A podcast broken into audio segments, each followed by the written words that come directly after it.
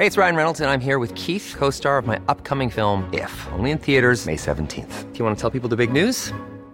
All right, I'll do it. Sign up now and you'll get unlimited for $15 a month in six months of Paramount Plus Essential Plan on us. Mintmobile.com slash switch. Upfront payment of $45 equivalent to $15 per month. Unlimited over 40 gigabytes per month. Face lower speeds. Videos at 480p. Active Mint customers by 531.24 get six months of Paramount Plus Essential Plan. Auto renews after six months. Offer ends May 31st, 2024. Separate Paramount Plus registration required. Terms and conditions apply if rated PG. Hiring for your small business? If you're not looking for professionals on LinkedIn, you're looking in the wrong place. That's like looking for your car keys in a fish tank. LinkedIn helps you hire professionals you can't find anywhere else, even those who aren't actively searching for a new job but might be open to the perfect role. In a given month, over 70% of LinkedIn users don't even visit other leading job sites. So start looking in the right place. With LinkedIn, you can hire professionals like a professional. Post your free job on linkedin.com slash people today. Millions of people have lost weight with personalized plans from Noom, like Evan, who can't stand salads and still lost 50 pounds. Salads, generally, for most people, are the easy button, right? For me, that wasn't an option. I never really was a salad guy. That's just not who I am. But Noom worked for me. Get your personalized plan today at Noom.com. Real Noom user compensated to provide their story. In four weeks, the typical Noom user can expect to lose one to two pounds per week. Individual results may vary. Generaler, admiraler, medlemmer og gjester. Varmt velkommen igjen til nok et medlemsmøte i eh, Oslo Militære Samfunn. Som alle har fått med seg, så har Norge hevet beredskapen. Hva det går ut på, er dels kjent og dels ikke kjent i media.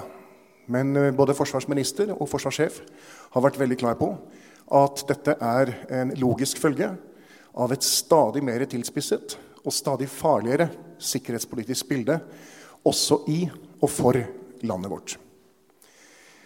Dette semesteret og neste semester har, som dere vet, sterk fokus på den triste situasjonen som vi takker Russland for, det som skjer i Ukraina nå. Vi sitter og legger siste hånd på vårsemesteret, og trusselen mot frie og åpne samfunn vil være gjennomgående også i, vårsemesteret vårt. Det skulle bare mangle. Sjef Hæren, generalmajor Lars Lervik, besøker oss i kveld. Vi følger jo krigen som best vi kan, noen og hver. Det har hærstaben og sjef Hæren også gjort. Han har kalt foredraget sitt for 'Observasjoner fra krigen i Ukraina'. Dette er jeg veldig spent på å høre. Generalmajor, varmt velkommen hit. Talerstolen er din.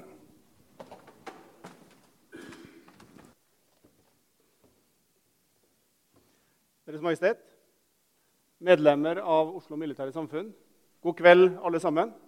Både til dere som er her i salen, og dere som følger eh, foredraget digitalt. Som et bakteppe for kveldens foredrag, som handler om observasjoner fra krigen i Ukraina, ønsker jeg å starte med å stille noen spørsmål. Hvilken betydning har vilje for en nasjons evne til å forsvare seg? Hvilke effekter får man av å ha god beredskap og riktig organisering? Er prinsippene vi i Hæren legger til grunn for forsvars- og angrepsstrid, fortsatt relevant? Og hva er det som gjør at ukrainske styrker lykkes bedre enn det mange hadde forventa? Mens jeg lar de spørsmåla henge litt, så vil jeg begynne med en personlig observasjon. Tidligere i år besøkte jeg den norske treninga av ukrainske artillerister som trente på å bruke de donerte norske M109 artilleriskytser i grafen vår i Tyskland. Der møtte jeg ukrainske soldater som for en kort periode var trukket ut fra fronten for å få opplæring på nytt utstyr. Det som slo meg, var for det første at de ukrainske soldatene hadde stor tro på at de skulle lykkes i sin kamp. Og for det andre, ganske sterkt når du møter en far og sønn som utstråler en sterk vilje til sammen å kjempe for friheten så lenge det var nødvendig. Vi tjenestegjorde for øvrig på samme kanon. Hele Ukrainas forsvarsvilje har vist seg svært sterk.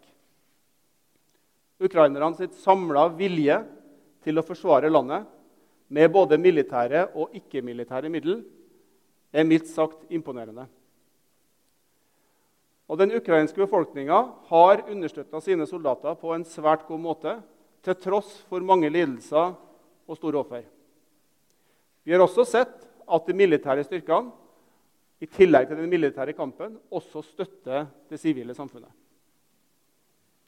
Det gode samvirket mellom det sivile og det militære er et eksempel til etterfølgelse. Under god ledelse av ukrainske myndigheter har den ukrainske befolkninga vist hvordan et motstandsvillig samfunn kan mobilisere et robust og velfungerende totalforsvar. Og støtten fra de sivile samfunnet har vært en svært viktig styrkemultiplikator for den militære innsatsen. Selv om det er for tidlig å konkludere i form av konkrete erfaringer og lærdommer, så følger selvsagt Hæren Ukraina-krigen fortløpende. Og blant annet har Hærens våpenskole over noe tid nå samla inn og vurdert en rekke observasjoner som kan være relevante for den videre utviklinga av Hæren og Forsvaret. Med bakgrunn i de observasjonene har vi iverksatt en rekke utredninger, prøver og forsøk for å se på hva som kan være hensiktsmessig å endre i forhold til organisering eller måten vi opererer på. Noen observasjoner vil nok kunne bekrefte at det vi gjør, er riktig. Og andre vil bety at vi må gjøre justeringer kontinuerlig. Uansett så tror jeg det er viktig at vi har med oss at den neste krigen vil alltid være annerledes enn den forrige. Krigens karakter endrer seg kontinuerlig, og Ukraina er ikke Norge. Derfor er det ut, u, Derfor er det å ukritisk kopiere erfaringer fra den krigen heller ikke løsninger. I det arbeidet har vi så langt sett at det er mye som ikke forandrer seg. Krigens natur er konstant. Og mye av det vi ser i Ukraina-krigen, har vi tidligere observert i mange andre kriger. Eksempelvis at vilje og utholdenhet er viktig. God ledelse er avgjørende for å lykkes på slagmarken. Og at beredskap og tilstedeværelse har stor betydning. Jeg ønsker her i kveld å dele observasjoner med forsamlingen fra to slag, hvor ukrainske og russiske styrker har slåss mot hverandre, og kommentere noen av de observasjonene vi mener vi kan trekke ut fra de to. Det første slaget er det russiske angrepet på Antonov-flyplassen 24.2. i år. Og det andre slaget er den ukrainske motoffensiven i Kharkiv, som starta 6.9. i år. Om morgenen 24.2. klokka 05.30 lokal tid annonserte president Putin i russisk statlige media at han hadde iverksatt en spesiell militær operasjon.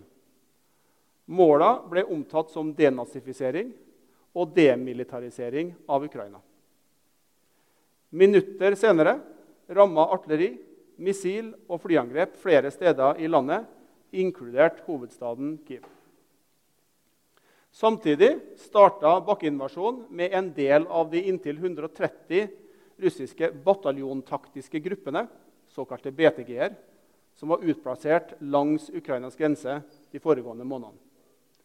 Hver bataljontaktiske gruppe besto av ja, rundt 700 soldater og ca. 75 pansrede kjøretøy. Og I sum så hadde Putin utgruppert om lag to tredjedeler altså ca. 125 000 soldater, av den stående delen av den russiske hæren. Angrepet kom fra flere kanter. Fra nord, fra nordøst, fra øst og fra sør. Og som mange av dere helt sikkert husker, prøvde Russland å ta Kiev hurtig og overraskende og gjennom det å styrte, ved, ved å styrte president Zelenskyj og hans regjering. Russiske spesialstyrker, støtta av luftlandestyrker og pansra stridsgrupper, infiltrerte byen og forsøkte å ta kontroll på viktig infrastruktur. Klokka 0800 lokal tid den 24. februar fløy om lag 20 russiske transporthelikopter, eskortert av angrepshelikopter, sørover fra grensa mellom Belarus og Ukraina i retning av byen Hostomel. Helikoptrene bar med seg over 300 russiske fallskjermjegere som skulle innta Antonov flyplass like utenfor byen. Målet for angrepet var å etablere en luftbro som skulle gjøre det mulig å sette inn tyngre russiske styrker, for deretter å kunne ta kontroll på Kiev. Idet de russiske helikoptrene nærma seg målet, ble de beskutt av ukrainske soldater med håndvåpen og bærbart luftvern. De ukrainske styrkene klarte å skyte ned to av helikoptrene, men resten kom seg inn mot flyplassen. For å dekke innflyvinga skjøt angrepshelikoptrene raketter mot flyplassen og tok ut de ukrainske luftvernsystemene som var plassert der. Ukrainerne, både sivile og militære, var samtidig klar til å forsvare landet sitt. I utkanten av flyplassen lå rundt 300 ukrainske heimevernssoldater utgruppert i forsvarsstillinga. De hadde relativt lite militær erfaring og mangelfull utrustning, men var klar til strid og klar til å slåss med det de hadde.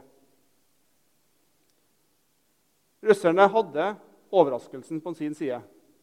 Og etter at fallskjermjegerne hadde lasta ut av helikoptrene, så klarte de hurtig å ta kontroll på flyplassen. Og etter en kort ildstrid så ble de ukrainske soldatene pressa tilbake. De russiske styrkene starta da umiddelbart som de hadde planlagt, og forberedte mottak av 18 store transportfly som skulle sette inn forsterkninger fra Russland. De ukrainske soldatene fikk nå støtte først av en infanteribrigade samt noen lokale militser og begynte å bombardere flyplassen med artilleri. Den ukrainske militære ledelsen forsto hva konsekvensen av å miste flyplassen ville være, og beordra ytterligere to brigader til å umiddelbart iverksette et, et motangrep. Etter kort tid kom det ukrainske motangrepet med støtte av egne jagerfly og de russiske styrkene de russiske elitestyrkene ble slått tilbake. Og På dette tidspunktet så var de første russiske transportflyene i lufta på vei. Men ble altså nå tvunget til å snu i lufta og fly tilbake. Dagen etter, 25.2, forsøkte russerne på nytt å ta flyplassen. Hvis de skulle ha en sjanse til å ta Kiev i løpet av de første dagene, så måtte de ha muligheten til å sette inn forsterkninger med fly. Derfor var Antonov-flyplassen så viktig. Denne gangen angrep russerne med en kombinasjon av mekaniserte styrker, støtta av kamphelikopter og det som var igjen av fallskjermjegerstyrken. Og de lyktes denne gangen. Ukrainerne hadde imidlertid sabotert rullebanen, slik at selv om russerne på nytt fikk kontroll på flyplassen, så var den helt ubrukelig. Og med dette så ble russernes mulighet for en rask overtagelse av Kiev betydelig redusert. Jeg ønsker nå å kommentere noen av våre observasjoner fra det som skjedde ved Antonov-flyplassen 24. og 25. februar. Det var flere situasjoner som oppstod under den innledende Jeg har litt trøbbel med teknologien her. Da må vi bare få bladd oss til riktig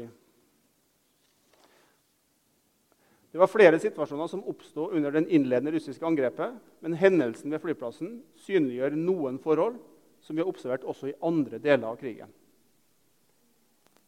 Vi ser bl.a. at prinsippene som brukes for forsvarsstrid, fortsatt er gjeldende. Det er nok mange som, som, som eh, nikker gjenkjennende. Prinsippene handlefrihet, offensiv opptreden, spredning, kringvern, gjensidig støtte og dybde er fortsatt relevant. Ukrainerne sikra seg handlefrihet ved at de hadde mekaniserte brigader i reserve, klare til innsats der det var behov. De visste offensiv opptreden ved at de i tillegg til forsvarstiden gjennomførte hurtige motangrep når muligheten bydde seg. Styrkene var gruppert spredt, og de ivaretok kringvern med 360 graders sikring ved at de sikra alle adkomstveiene inn til Kiev. Og det var god gjensidig støtte mellom hærstyrker og heimevernsstyrker samt mellom luft- og bakkestyrker. Og Dessuten så hadde da ukraineren stor dybde i sitt forsvar. Noe som gjorde at de hadde styrker som engasjerte de russiske helikoptrene lenge før de kom frem til flyplassen.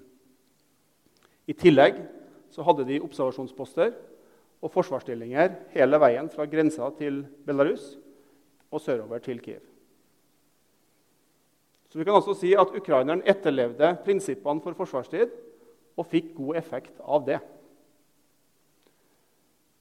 Det er også to andre moment som er verdt å merke seg fra Russlands angrep mot Antonov-flyplassen den 24.2. For det første så ser vi konkrete eksempel på god virkning av beredskap og tilstedeværelse med relevante styrker. Da det russiske angrepet starta, var de ukrainske styrkene klare. Heimevernssoldatene var ute og sikra sine objekt. Brigadene var ute i sine beredskapsområder, og kommandoplassene var i full drift. Flystyrkene var i lufta eller i spenningsområder, og både de stasjonære og de mobile luftvernsystemene var operative.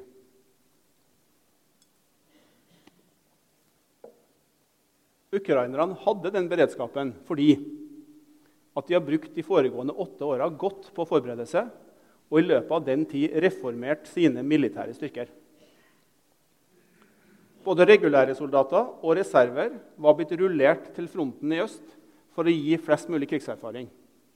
De hadde reparert opp gammelt materiell, og de hadde fylt opp lagrene sine med ammunisjon og reservedeler så langt det var mulig. De hadde også organisert seg på en måte som knytta hærstyrkene og de territorielle styrkene sammen. I dette tilfellet sikra heimevernsstyrkene flyplassen, mens flere brigader gruppert rundt Kiev var klare til å gjennomføre motangrep. Ukraina hadde altså en tilstedeværelse av relevante styrker, gruppert med dybde og spredning, og de var godt forberedt. Det andre punktet jeg ønsker å belyse i forbindelse med angrepet mot Antonov flyplass, handler om organisering av hærstyrkene. Putin angrep altså med en styrke som besto av såkalt bataljonstaktiske grupper, såkalte BTG-er, som han hadde gjort med stort hell i Krim og i Donbas i 2014 og i Syria i 2015-2017. Russerne forventa nok ikke mye motstand og den 24. februar ble derfor om lag 30 BTK sendt inn i, i Ukraina. Og Sjøl om angrepet mot Antonov-flyplassen kom overraskende på de ukrainske soldatene som lå der, hadde den ukrainske ledelsen på forhånd blitt varsla om den russiske invasjonen. Russerne hadde derfor i stor grad mista overraskelsesmomentet, som på mange måter var premissen for at den eh, dristige planen skulle lykkes. I tillegg så synes det klart at de russiske styrkene var dårlig forberedt, og at planen var basert på feilaktig informasjon om motstanderen eller en grov undervurdering av motstanderen. Samtidig som ukraineren var bedre forberedt enn russeren, så mener vi også at de var bedre organisert. Den ukrainske hæren var organisert i brigader når vi sammenligner det med de russiske bataljontaktiske gruppene, så er det en relativt liten styrke som selvstendig kan løse enkle, korte, kortvarige taktiske oppdrag. Mens en brigadeorganisering består av flere bataljoner som er organisert i, et system som sikrer full bredde i kapasiteter. Dvs. Si det vi kaller et samvirkesystem. Og I et samvirkesystem så blir den samla effekten av de ulike delkomponentene større enn summen av dem fordi at du er organisert til å utfylle hverandres svakheter og forsterke hverandres sterke sider. Brigadene var således atskillig mer robust og en, en, mer robust og fleksibel organisasjon enn den russiske måten med sine bataljonstaktiske grupper. Sjøl om russerne hadde forberedt eh, omtrent to tredjedeler av den stående hæren langs Ukrainas grenser, så var altså organiseringa av styrken en av eh, årsakene til at det innledende angrepet feila. Ukraineren hadde et velfungerende samvirkesystem. Det hadde ikke russeren. Oppsummert så ser vi altså at prinsippene for forsvarstid synes å være fortsatt gjeldende. Vi ser at beredskap og tilstedeværelse er viktig. Og vi ser at det å organisere seg i brigadeforband er klokt, for det synes å gi maksimal effekt av styrkene. Ukrainerne har også vist at de evner å lede styrkene sine på en svært effektiv måte. Den neste situasjonen jeg skal beskrive, neste slaget jeg skal beskrive, er et eksempel på betydninga av utholdenhet og god ledelse. Hey, it's Ryan Reynolds, and I'm here with Keith, co star of my upcoming film, If, only in theaters, May 17th. Do you want to tell people the big news? All right, I'll do. it. Sign up now and you'll get unlimited for $15 a month and six months of Paramount Plus Essential Plan on us. Mintmobile.com slash switch. Upfront payment of $45 equivalent to $15 per month. Unlimited over 40 gigabytes per month. Face lower speeds. Videos at 480p. Active Mint customers by 531.24 get six months of Paramount Plus Essential Plan. Auto renews after six months. Offer ends May 31st, 2024. Separate Paramount Plus registration required. Terms and conditions apply if rated PG. Hiring for your small business? If you're not looking for professionals on LinkedIn, you're looking in the wrong place. That's like looking for your car keys in a fish tank. LinkedIn helps you hire professionals you can't find anywhere else, even those who aren't actively searching for a new job but might be open to the perfect role. In a given month, over 70% of LinkedIn users don't even visit other leading job sites. So start looking in the right place. With LinkedIn, you can hire professionals like a professional. Post your free job on linkedin.com/people slash people today. Etter russernes innledende forsøk på å ta Kiev i februar fortsatte de å prøve å ta byen i de påfølgende ukene. Samtidig tok russeren kontroll på deler av Nord-Ukraina. Etter hvert ble det tydelig at den ukrainske motstanden var for sterk, og strategien for å ta Kiev hadde feila. I april blir så de russiske styrkene trukket ut av Nord-Ukraina og omgruppert til øst. Og det startes et arbeid med å etablere en landbro fra Donbas til Krim. Fra mai til august så kjemper partene en skyttergravskrig langs hele fronten. Store mengder artilleri ble skutt fra begge sider, og begge sider tar store tap. Til tross for det så klarer ukrainerne å holde store deler av frontlinja med infanteri og heimevern, støtta av mekaniserte brigader som gjennomfører lokale motangrep når muligheten byr seg. Samtidig gjennomførte ukraineren rekondisjonering av de resterende styrkene samt utdanning og trening av nye soldater. Og de fikk stadig mer materiell fra sine partnere. I løpet av sommeren forberedte ukraineren en motoffensiv. De gjorde det tydelig for russerne at den ville komme i sør. Og russerne valgte i august å flytte store styrker fra nordøst til sør. Denne omgrupperinga gjorde at russerne eh, sto svakt i nordøst. Det varsla motangrepet i Kherson i sør kom da, kom da 29. Og Den ukrainske angrepsstyrken klarte i løpet av en par dager å bryte gjennom den første forsvarslinja og effektivt bandt de russiske styrkene i Kherson. Hovedangrepet, som skulle gå nordøst mot Kharkiv-fylket, kunne dermed starte. Og Det jeg skal snakke mer om nå, er én avdeling, 92. mekaniserte brigade, sitt angrep 6. til 10. september. De var jo da en del av denne offensiven. I ly av mørket, natt til 6.9., gikk den ukrainske 92. mekaniserte brigade, støtta av spesialstyrker, i stilling ved Fryskyb. Fryskyb er en liten landsby med ca. 400 innbyggere tett opptil den ukrainske frontlinja. 15 km nordvest for den russiskkontrollerte byen Balaklia. Om morgenen, som seg hør og bør, satte styrken i marsj. Og Første stridskontakt inntraff etter bare 6 km da de kom til det første tettstedet ved frontlinja. Ukrainske stridsvogner og stormpanservogner rulla rett inn på torget i byen og satte av infanteriet til fots. Infanterilagene, støtta av spesialstyrker, tok hurtig kontroll på de viktigste bygningene i byen, mens kampkjøretøyene sikra de åpne områdene på utsida av bebyggelsen. De russiske soldatene som skulle holde fronten her, ble totalt overrumpla. Og mange av dem satte i springmarsj mot øst. Soldatene som ble igjen for å yte motstand, ble nedkjempa etter en kort og intens skuddveksling. Senere på dagen manøvrerte 92. brigade videre mot Balaklia, som var det første mellomliggende målet for angrepet. Balaklia er en middelstor by som før krigen husa ca. 26 000 innbyggere.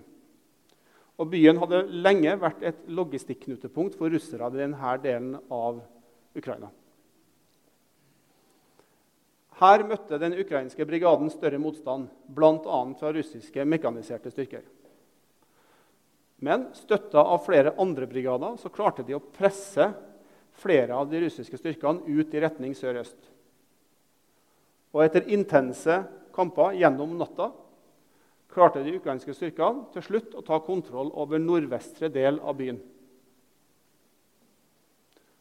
Om morgenen 7.9 når dagslyset kom, så strømma innbyggerne som hadde vært under russisk styre i flere måneder, ut av husene sine for å omfavne de ukrainske soldatene.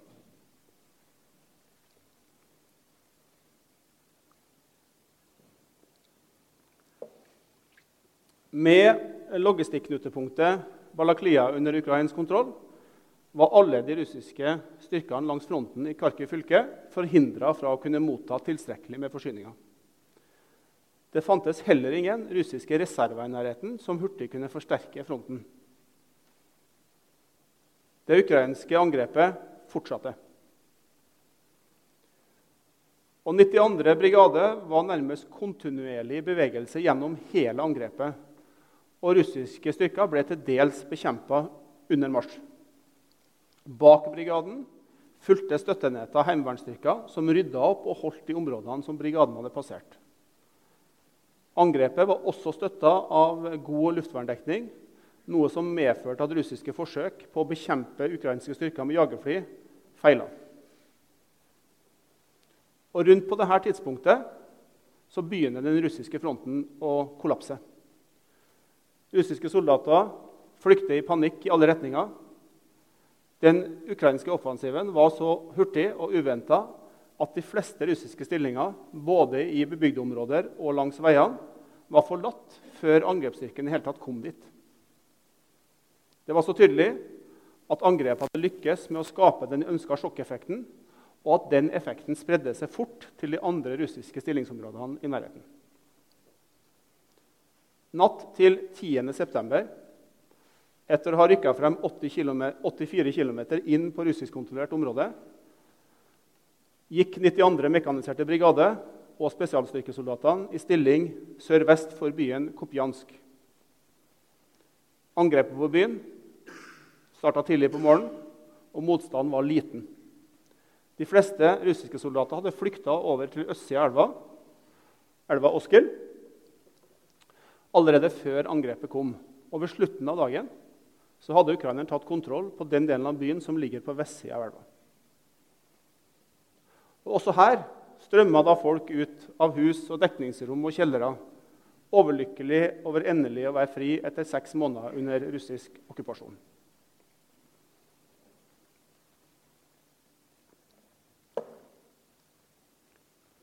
Angrepsstyrken hadde på det utgangspunktet klart å angripe langs en strekning på nesten 90 km i løpet av fire dager. Det er strekningen tilsvarende Oslo-Sandefjord.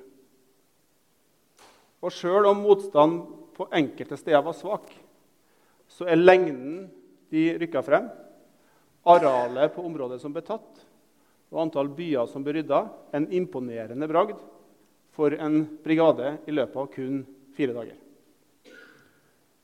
Totalt sett så gjenerobra ukraineren over 3000 km i perioden 6.-10.9.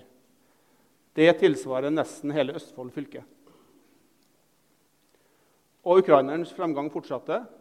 Den 12. september var hele Kharkiv fylke vest for Oskilelva tatt tilbake. Og det er ikke tvil om at det angrepet som jeg har beskrevet en del av nå, er kanskje den største suksessen for de ukrainske styrkene så langt i krigen.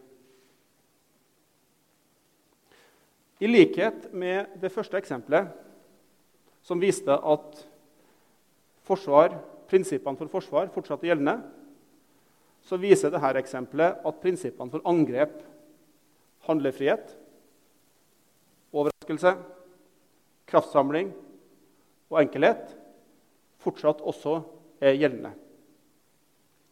De ukrainske styrkene som angrep 6.9., sikra seg handlefrihet med at de angrep med en samvirkeorganisert brigade med full bredde av de kapabilitetene du skal ha, og i tillegg var støtta av spesialstyrker. Det er ikke tvil om at den 92. Eh, mekaniserte brigade sitt angrep viser at de evna å oppnå overraskelse. Og De klarte også å forsterke den, slik at de fikk den betydelige sjokkeffekten som gjorde at russiske soldater rømte lenge før de så en ukrainsk avdeling. Og Ukrainerne evna å kraftsamle ved å samvirke internt i brigaden, men også med å samvirke med andre brigader og heimevernsstyrker. Og gjennom det etablerte lokal styrkeoverlegenhet der hvor det var nødvendig.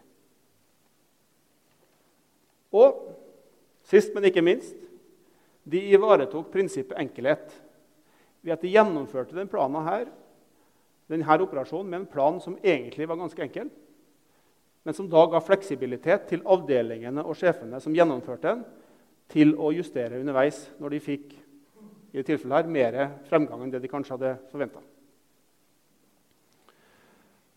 Jeg vil fremheve to momenter som på mange måter kan sies å være årsaker sånn som vi ser det, til at det gikk så bra som det gikk. For det første ser vi betydningen av god ledelse. Ukraineren har siden krigen starta i 2014, implementert en vestlig ledelsesform som, som vi kaller oppdragsbasert ledelse. Det innebærer at myndigheten delegeres ned i organisasjonen, i motsetning til den russiske ordrebaserte ledelsen, hvor beslutningene fattes sentralt. De ukrainske ordrene som gis, har fokus på å beklare intensjonen bak oppdraget. Altså hva er det du skal oppnå, og ikke detaljert beskrive hvordan det skal gjøres. Deretter så finner de underordnede sjefene sjøl ut hvordan de best kan oppnå intensjonen. Og I likhet med her hjemme da, så mener vi at når dette settes i system, så får vi en fremoverlent, initiativrik organisasjon med mennesker som hele tida leter og finner løsninger, og som søker å utnytte de mulighetene som oppstår. Og Ved angrepet som jeg akkurat har beskrevet, så var intensjonen bl.a å skape kaos og usikkerhet blant de russiske styrkene. Og Når da de ukrainske brigadene, bl.a. 92., ga full gass og angrep langt inn i de russiskkontrollerte områdene, så kan vi lett se for oss at frykten tok overhånd i de russiske stillingsområdene. Og Vi tror det gjaldt både blant de som var forbigått, og de som var i ferd med å bli angrepet. De detaljerte ordrene som russiske soldatene hadde, som beskrev hvordan forsvarslinja skulle holdes, var plutselig blitt eller i ferd med å bli irrelevante fordi premisset hadde falt. Situasjonen hadde altså endra seg. De ukrainske avdelingene hadde på sin side en god evne til å tilpasse, eh, situasjonen underveis og utnytta fremgangen ved at brigadesjefene og bataljonssjefene holdt hverandre oppdatert eh, og koordinerte fremrykkinga underveis i angrepet. Og sist, men faktisk kanskje også ikke, ikke minst, god ledelse og sideveis kommunikasjon gjorde også at de ukrainske styrkene evna å stanse angrepet sitt før det hadde strukket seg for langt.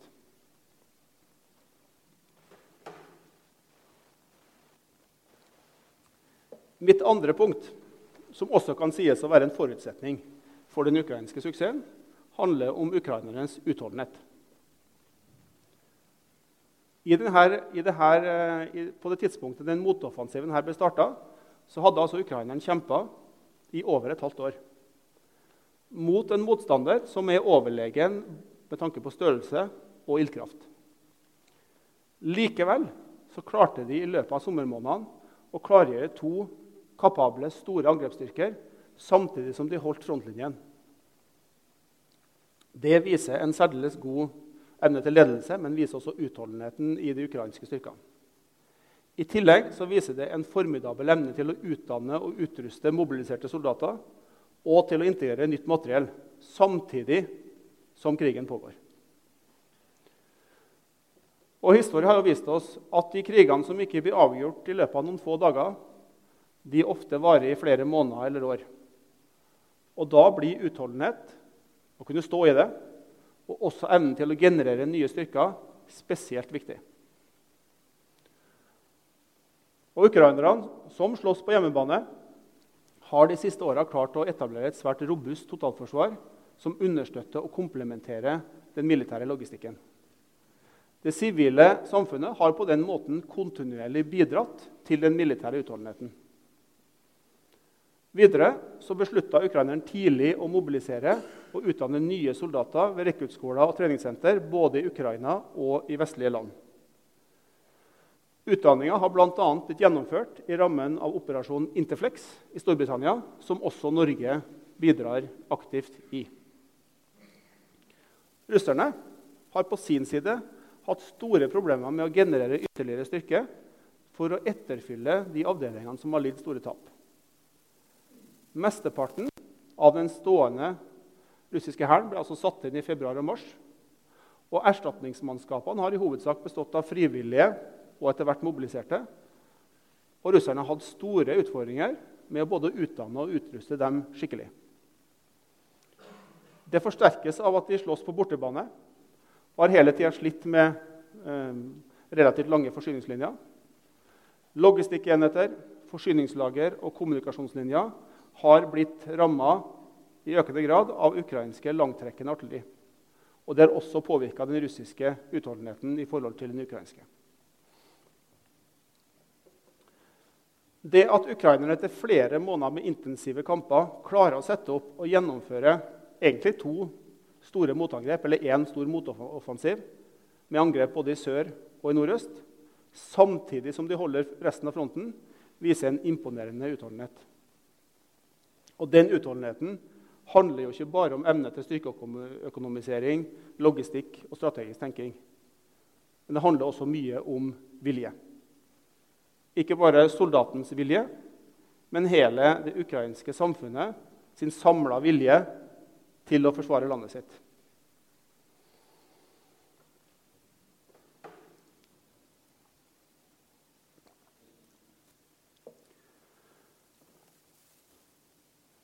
Det som sannsynligvis i størst grad påvirker den relative forsvarsviljen i denne konflikten, er at ukrainerne kjemper det de oppfatter som en eksistensiell krig for sin frihet. Mens russerne kjemper en krig som Russland har valgt sjøl. Ukraina forsvarer altså sitt land og sine hjem. Mens russerne kjemper på fremmed jord for det Putin kaller den pågående kampen mot Nato. og og Det er nok mange russiske soldater som tror på det narrativet. Men det er nok også mange som ikke ønsker å risikere livet for det. Videre er det i hvert fall tegn til at den hjemlige støtten er i ferd med å svekkes. Det er mange russere som har mista sønner, fedre og ektemenn. Samtidig er det grunn til å tro at støtten fra det internasjonale samfunnet har hatt stor betydning for Ukrainas forsvarsvilje. Mange land har bidratt og bidrar fortsatt med våpen, ammunisjon og militært materiell. Og både statlige og ikke-statlige organisasjoner bidrar med humanitær bistand. Og Sjøl om et land har kompetente soldater og store mengder våpen og ammunisjon, så kan altså ingen vinne uten vilje. Og vilje er ikke en fast størrelse i en krig. Den vil variere mellom å være sterk og kanskje i perioder være svak. Og det er krevende over tid å opprettholde en vilje som er sterkere enn motstanders. Og her har vi og resten av det internasjonale samfunnet et særdeles viktig ansvar. Fordi vi kan ikke la Putin vinne. Vi kan ikke sitte og se på at det ukrainske folket blir drept og lemlesta. Vi kan ikke akseptere en praksis hvor stormakter med makt kan bestemme hva mindre naboer kan gjøre.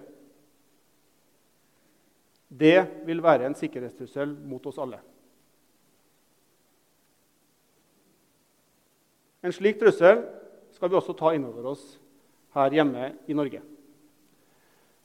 Uavhengig av hva utfallet av krigen i Ukraina blir, så er vi nabo til en aktør som har vist at den er villig til å forfølge sine politiske og strategiske interesser med bruk av tvangsmakt, og mye tvangsmakt. Hva betyr det for Norge og det norske forsvaret? Etter min mening så betyr det at vi skal være forberedt på det verst tenkelige. Vi skal være til stede, og vi skal styrke beredskapen vår. Det betyr at vi må være organisert og trent på en måte som gjør oss i stand til å møte ulike trusler i samvirke med andre forsvarsgrener og våre allierte. Og det betyr at vi kontinuerlig må jobbe for å ha et robust totalforsvar og en sterk forsvarsvilje både hos soldatene og i befolkninga. Ukraina kjemper en brutal kamp for sitt demokrati og sin frihet. Og viser at evne og vilje til forsvar det kommer ikke av seg sjøl. I Hæren er vi derfor kontinuerlig utvikling for å kunne bidra med vårt til forsvaret av Norge og Norges befolkning i fred, krise og krig. Og sammen med resten av Forsvaret, totalforsvaret og Norges befolkning, slik som vi som er samla her i kveld, er det vi som er Norges forsvarsvilje. Takk for oppmerksomheten.